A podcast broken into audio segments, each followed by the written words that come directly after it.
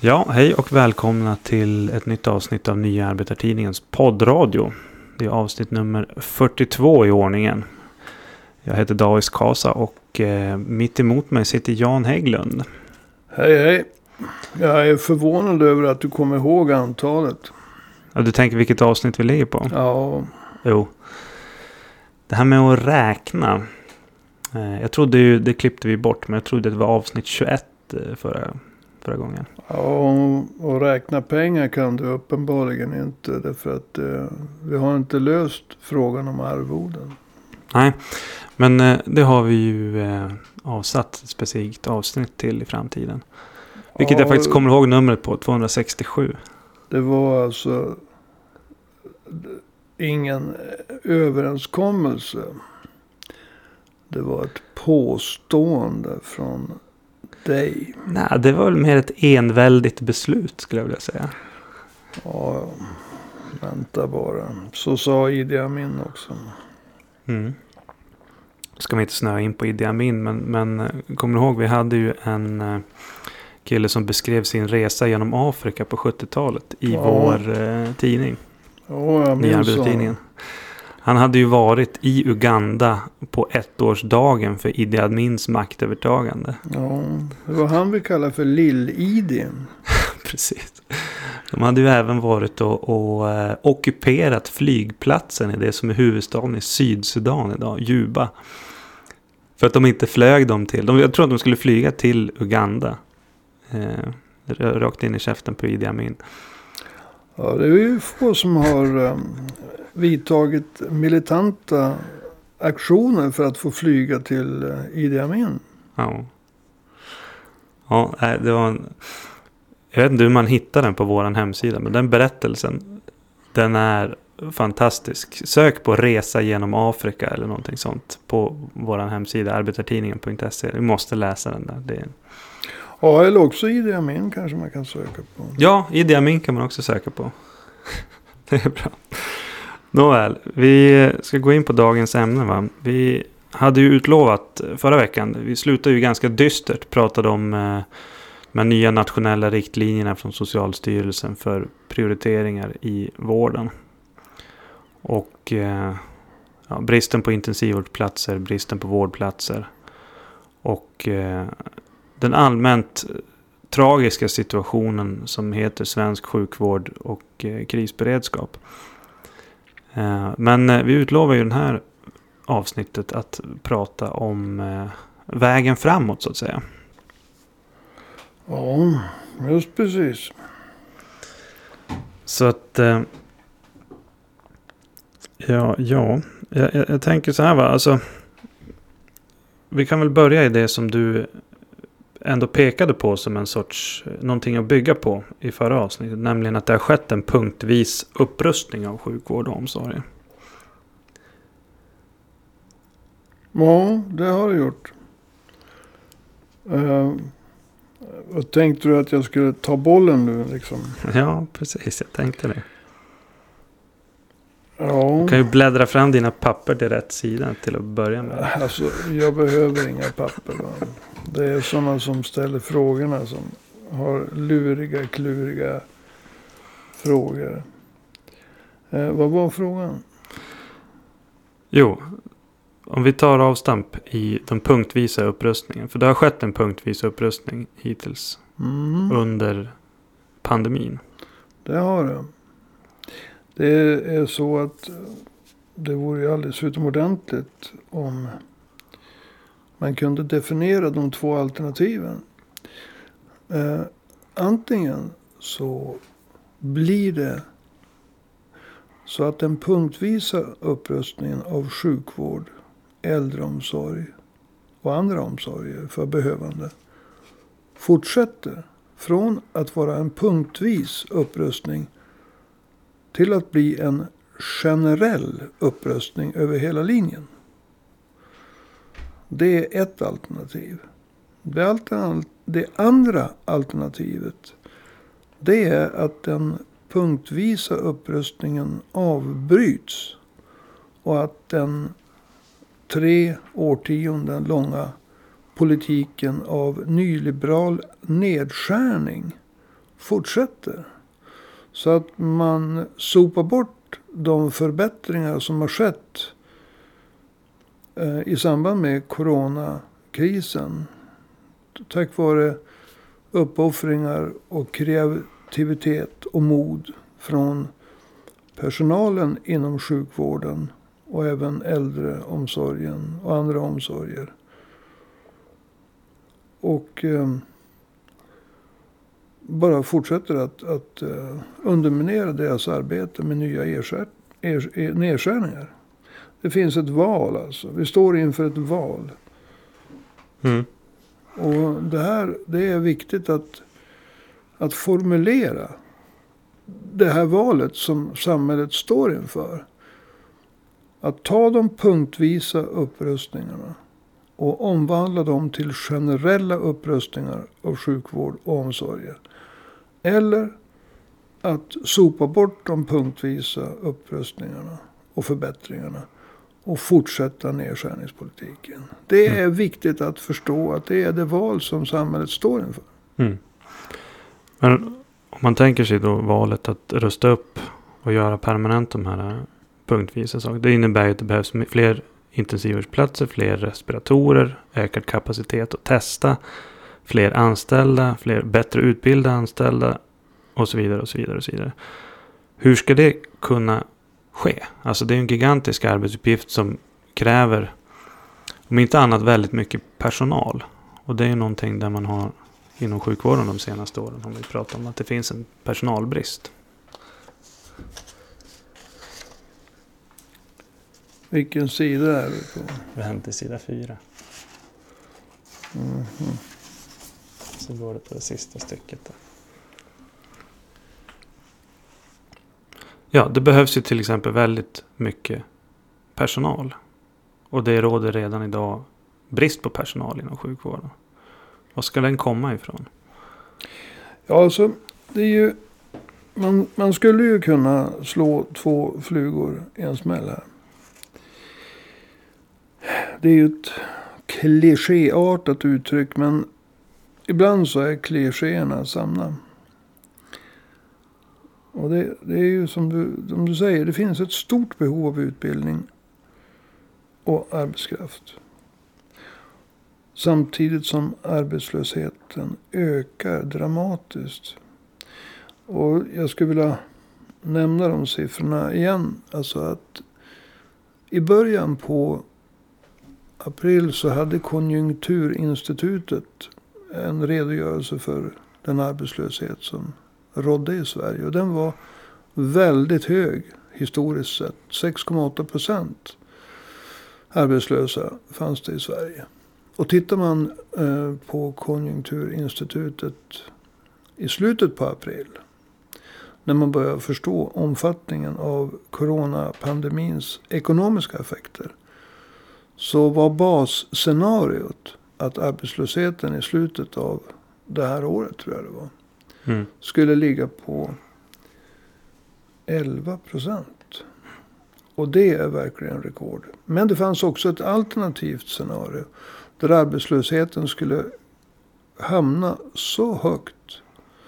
Så att i slutet av det här året och början på nästa så skulle vi kunna ligga på 14 procent. Ja. Och då talar vi inte längre om nysvenskar som, att kom, som har kommit hit och som har problem med att få sin utbildning och yrkeserfarenhet omvandlad till svenska mått. Och som har problem med språket och som lär sig det. Utan blir det 14 procent arbetslöshet. Då kommer inte bara alla de människorna att stanna kvar i permanent arbetslöshet mer eller mindre. Utan då är det människor som har sett sitt jobb som tryggt, säkert, som permanent kan man säga. Då kommer de att hamna i arbetslöshet. Och det kommer att skaka samhället ett varv till. Mm. Nu är frågan, ska vi oavsett om arbetslösheten ökar från 6,8 till 11 procent. Eller om arbetslösheten ökar från 6,8 till 14 procent. Eller om arbetslösheten ökar ännu mer. Ska vi acceptera att människor går från företrädesvis eh, privat eh, anställning till arbetslöshet. Det är ett alternativ. Eller också ska vi jobba för att de som har hamnat i arbetslöshet eller riskerar att hamna i arbetslöshet ska omdirigeras via ett massivt utbildningsprogram Mm. till sjukvård och omsorg. Alltså ska vi satsa Regeringen har hittills satsat uppåt 200 miljarder för att stötta olika företag och verksamheter i samband med coronapandemins ekonomiska effekter. Ska vi satsa pengar på att försöka upprätthålla utlevade strukturer? Eller ska vi ta de pengarna och även mer pengar som vi kan återkomma till. För ett massivt utbildningsprogram där vi får fram undersköterskor, sjuksköterskor, BMA. Det är en förkortning för biomedicinska analytiker. Sjuksköterskor, läkare. Alltså förvandla potentiellt permanent, mer eller mindre permanent arbetslösa. Och just genom ett massivt utbildningsprogram vägra acceptera en galopperande arbetslöshet.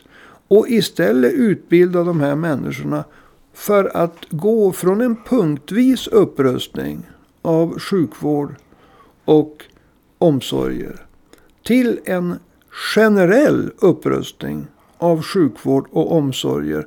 Och använda de människor som annars, ofta högt kvalificerade människor, som annars skulle hamna i kanske permanent arbetslöshet eller långvarig arbetslöshet. Och se till att det är de som fyller de luckorna. Mm. Skillnaden mellan en punktvis upprustning av sjukvård och omsorger till att det blir en generell upprustning av sjukvård och omsorger. Det här är ju en väldigt stor eh, uppgift va? Alltså, Det är en stor uppgift. det måste det, vara bland det största i svensk historia. Ja, vi har ju... Vi hade ju det 30-åriga kriget och vi hade någonting som kanske inte var lika mycket krigiskt.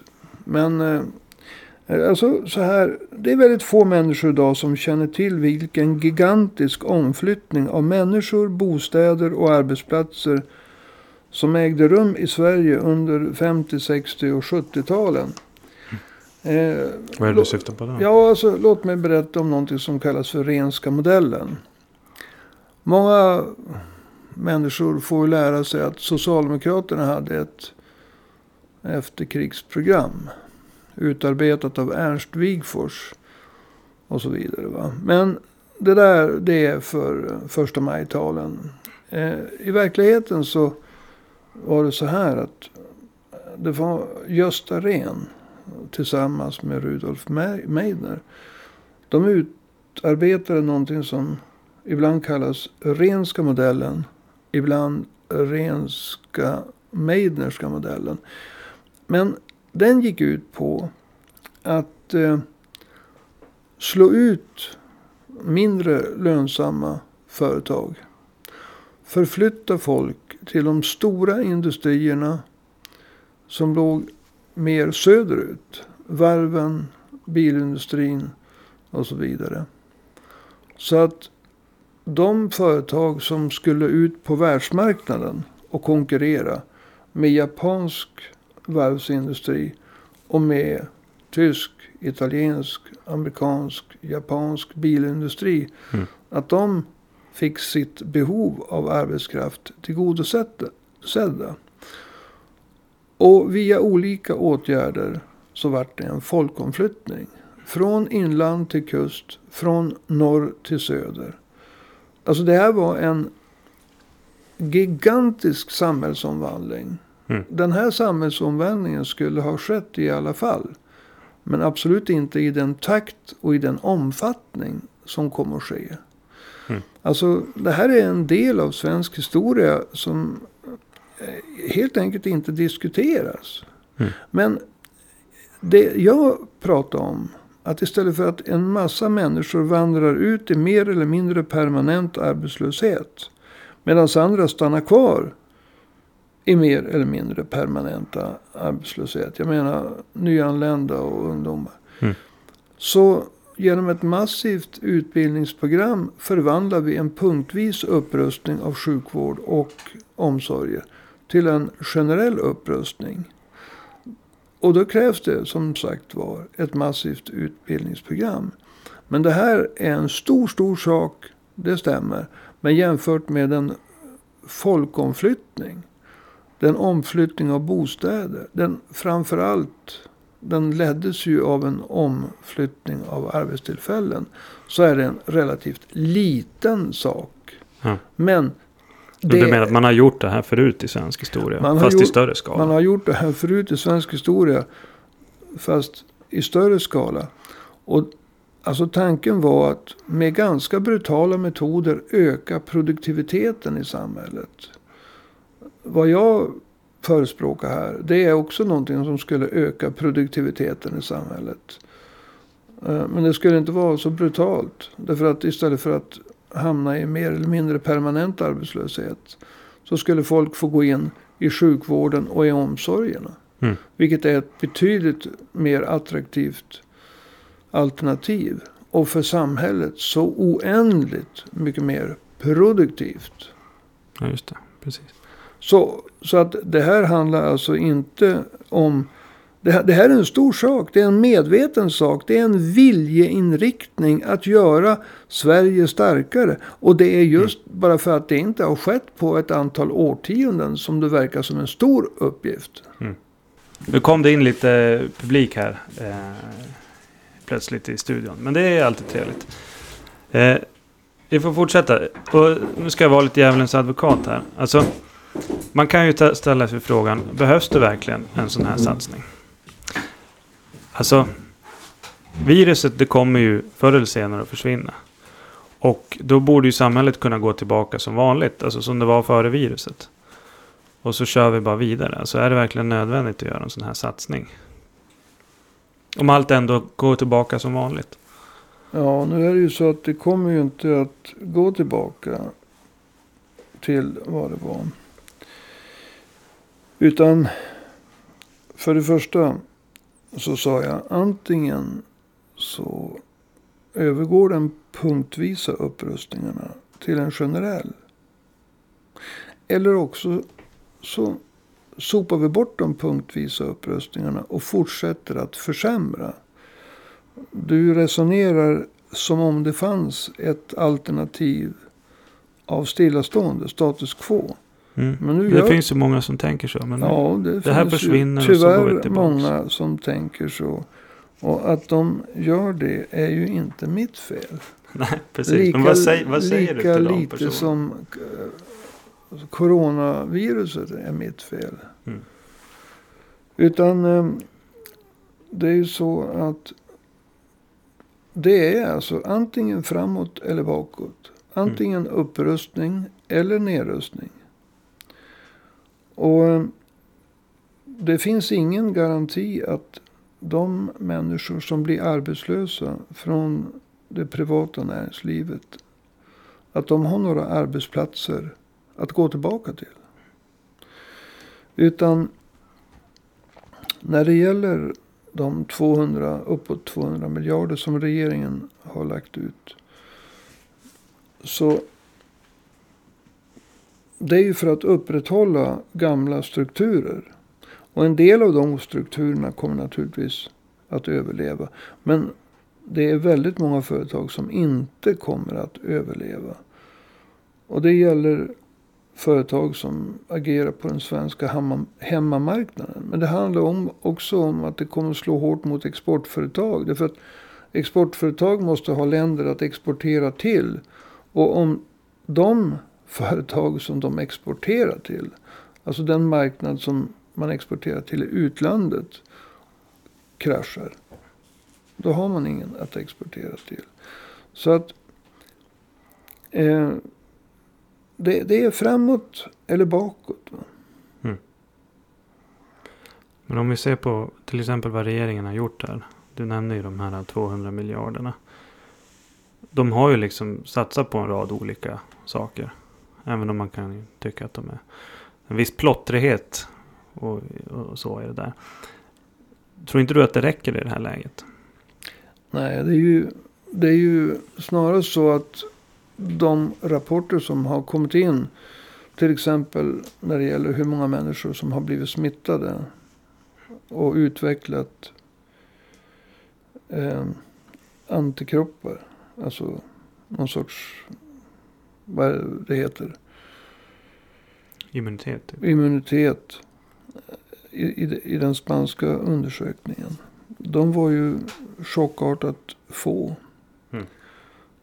Så de rapporter som har kommit in. De tyder ju snarast på att, att eh, coronaviruset kommer att stanna längre. Om, om något. Mm. Och plåga samhället under längre tid. Alltså det, det, är ju en, det här är ju en sån eh, stor och djup samhällskris. Att jag tror att det enda man kan göra det är att underskatta dess effekter. Och det är därför som jag förespråkar det här. Eh, alltså det stora sjukvårds och omsorgslyftet. Eh, istället för en gigantisk ökning av arbetslösheten. Alltså antingen kan vi acceptera en fördubbling av Ja, jag tror att Sverige ligger... Det, det, är bara några, tre, fyra länder i hela EU som har högre arbetslöshet än Sverige. När Sverige hade 6,8 procents arbetslösa. Mm. Om Sverige nu går mot 11 eller 14 procent. Beroende på vilket av de två scenarier som Konjunkturinstitutet eh, så att säga vilket som blir rätt av deras två scenarier.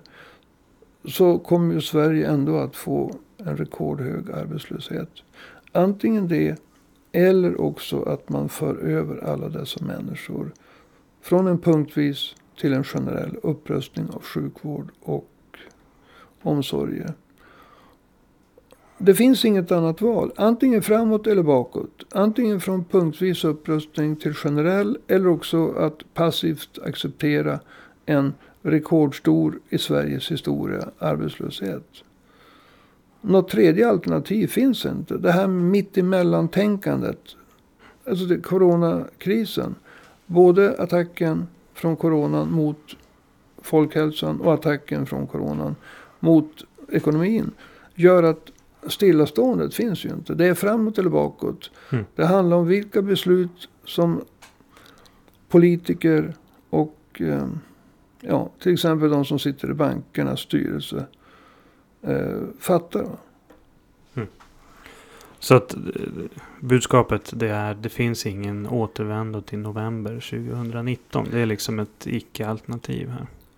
Nej, alltså det, det är många människor som man, man lär sig liksom att att eh, när det här är över, då ska jag gå tillbaka till mitt jobb. Men det kanske inte finns kvar. Mm. När det här är över, då ska jag resa till USA som jag hade tänkt. Men eh, du kanske inte har de pengarna längre. Mm. När det här är över, alltså det kommer aldrig, samhället kommer aldrig att återgå till den situation som var i november 2019. Den sista månaden innan coronaviruset gjorde entré. Mm. Och det här är svårt att acceptera. En del människor har svårt att tänka det. De förnekar. De lever i förnekelse. En del de blir så rädd så de vägrar att förstå det. Men eh, de andra, de måste förbereda sig för att samhället har förändrats. Och för, för, för, för gott. Alltså om vi tittar på det man brukar kalla geopolitik. Eh, det här kan innebära att Kina går om USA. Mm. Om vi börjar på den högsta nivån. Som den ledande supermakten i världen. Även om USA naturligtvis kommer att behålla sin militära styrka. Mm. Så krävs det ju en ekonomisk styrka för att kunna lägga ut de gigantiska summor som USA idag lägger ut militärt. Och USA har varit på väg neråt under många årtionden. Jo. Det här det, det drabbar USA oerhört hårt. Drabbar USA, då drabbar det exp exportmarknaden för länder som Sverige, Tyskland och även Kina. Alltså vi kan arbeta oss ner genom hela, hela näringskedjan. Till Umeå kommun och Västerbottens, Eh, alltså Region Västerbotten.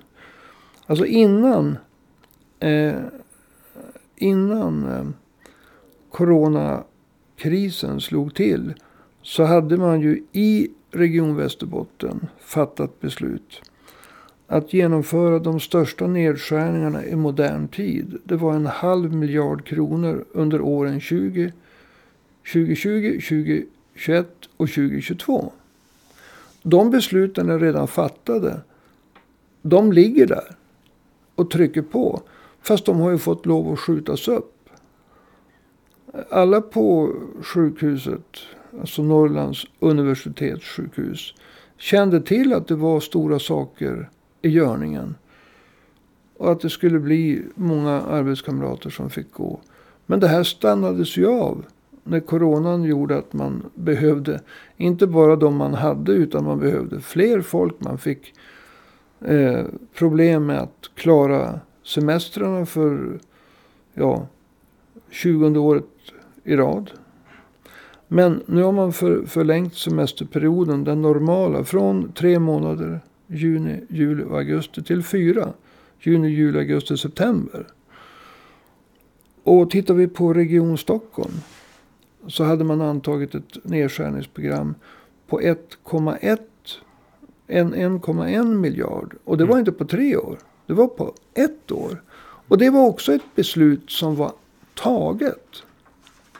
Och det fanns en tidning, det finns en tidning som heter Vårdnytt. Vårdnytt? Ja, vad, vad, heter, vad heter tidningen?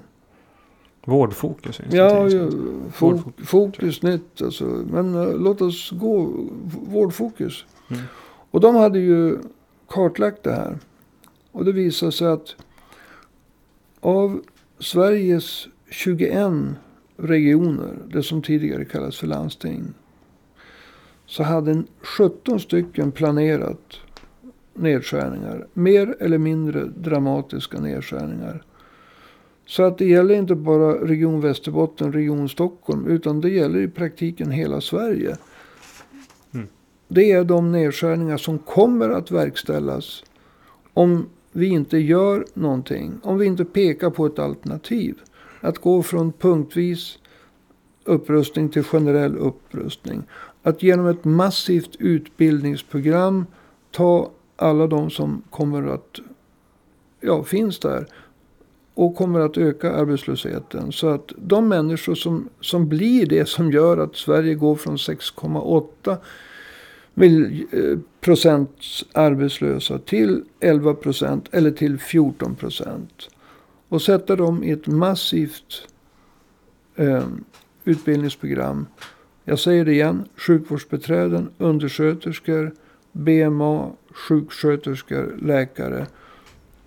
Det är de som kan genomföra, gå från, göra så att samhället går från en punktvis upprustning till en generell upprustning.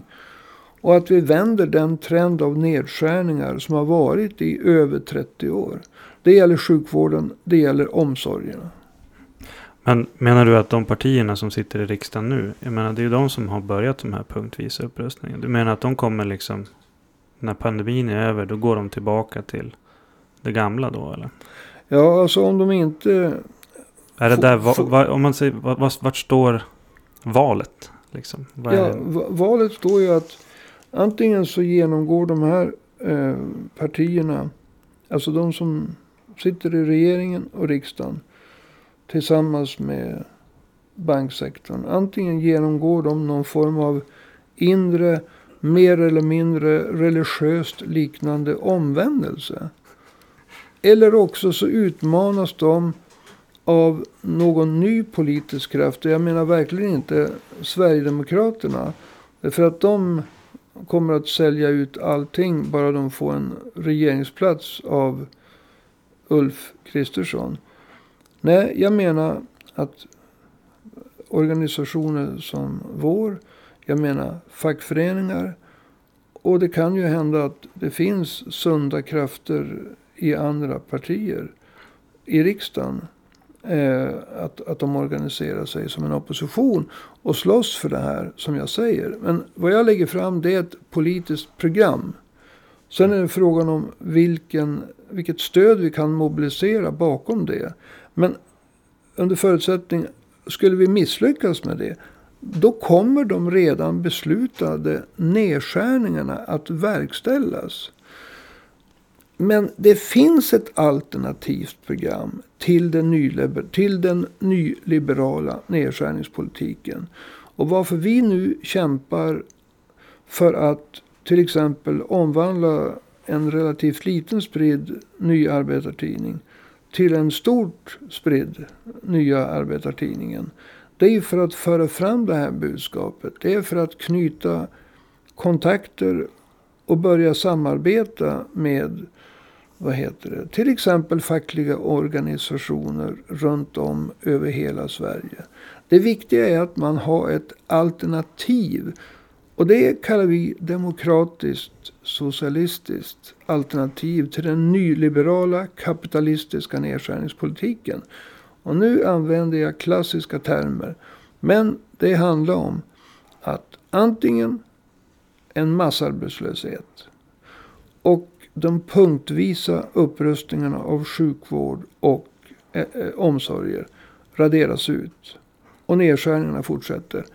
Eller också så kommer vi att förvandla de punktvisa upprustningarna till generella upprustningar. Vilket ger de människor som annars går ut i mer eller mindre permanent arbetslöshet en möjlighet att via ett massivt utbildningsprogram vara de som lyfter samhället när det gäller sjukvård och omsorg. Right. Och det är ett program som mm. vi måste mobilisera stöd kring. Just det. Uh, våran tid börjar ta slut för det här avsnittet. Men, men uh, i praktiken, det du, det du säger, det är ett ideologiskt val här.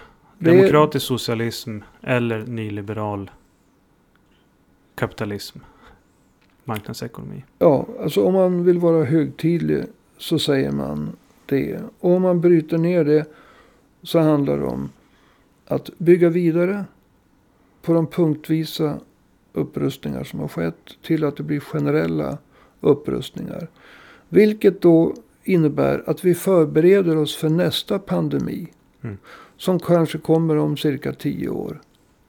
Och att vi förbättrar för personalen för patienterna, för patienternas anhöriga, för den allmänhet som ännu inte har blivit sjuk. För sjuk blir vi ju allihop. Mm. Så att det är inte bara att vi förbereder oss för nästa pandemi så vi står bättre rustade för den. Utan det är ju att generell upprustning av sjukvård och omsorger innebär ju en... Alltså att vi försöker återställa lite grann av vad den nyliberala nedskärningspolitiken har eh, förstört. Mm. Eh, under de senaste 30 åren. Alltså man har gjort man brukar prata om effektiviseringar, produktivitetsökningar och att slimma organisationen. De har slimmat den så att den är anorektisk. Mm. Vi vill inte skapa en fet organisation. Men åtminstone en, vad heter det, normalbyggd organisation. Alltså för idag har vi en anorektisk organisation. Mm. Och den drabbar personalen och den drabbar det de anhöriga. Nej, patienterna. Drabbar de anhöriga också? Säkert. Ja, de anhöriga också. I form av långa vårdköer. Mm. Så arbetslöshet, kanske massarbetslöshet. Det är nyliberalismens alternativ. Eller att göra den punktvisa upprustningen till en generell upprustning av sjukvård och omsorger. Det är det demokratiskt socialistiska alternativet. Mm. All right. Det finns mycket mer vi kan prata om det här. Vi måste prata om... Ja, arvoden kan vi prata om. Jo, nej, jag tänkte just säga det. Vad, vad, vad ska pengarna tas ifrån? Ja, vi behöver prata kan, om banker. Det kan du svara på. Jo, eh, när det gäller arvodena, det vet vi att det är avsnitt 267. Men i avsnitt 43 eh, så får vi prata vidare om, om banker och vi, kanske lite punktvisa eh, krav och idéer kring andra frågor som har med pandemin att göra. Eh, men eh, för idag så är det dags att avsluta. Och eh, du kan få en bulle, kan du få, Janne. Den är säkert begagnad. Ja, alltså jag har, jag har ju inte ätit den tidigare. Men, men Mm. eh, det, jag tror att den är köpt igår. Jag får i alla fall tacka så mycket för idag. Igår. Du får tacka så mycket för idag. hörru.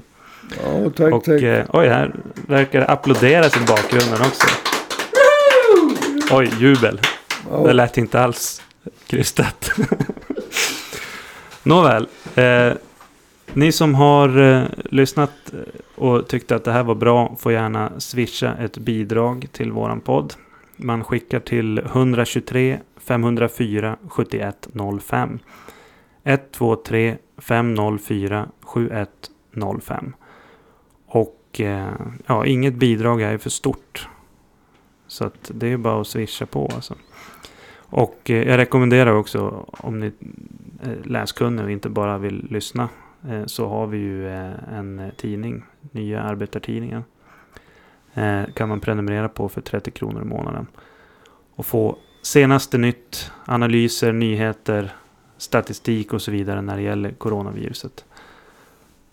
Arbetartidningen.se går man in på då. Och då var vi klara för idag.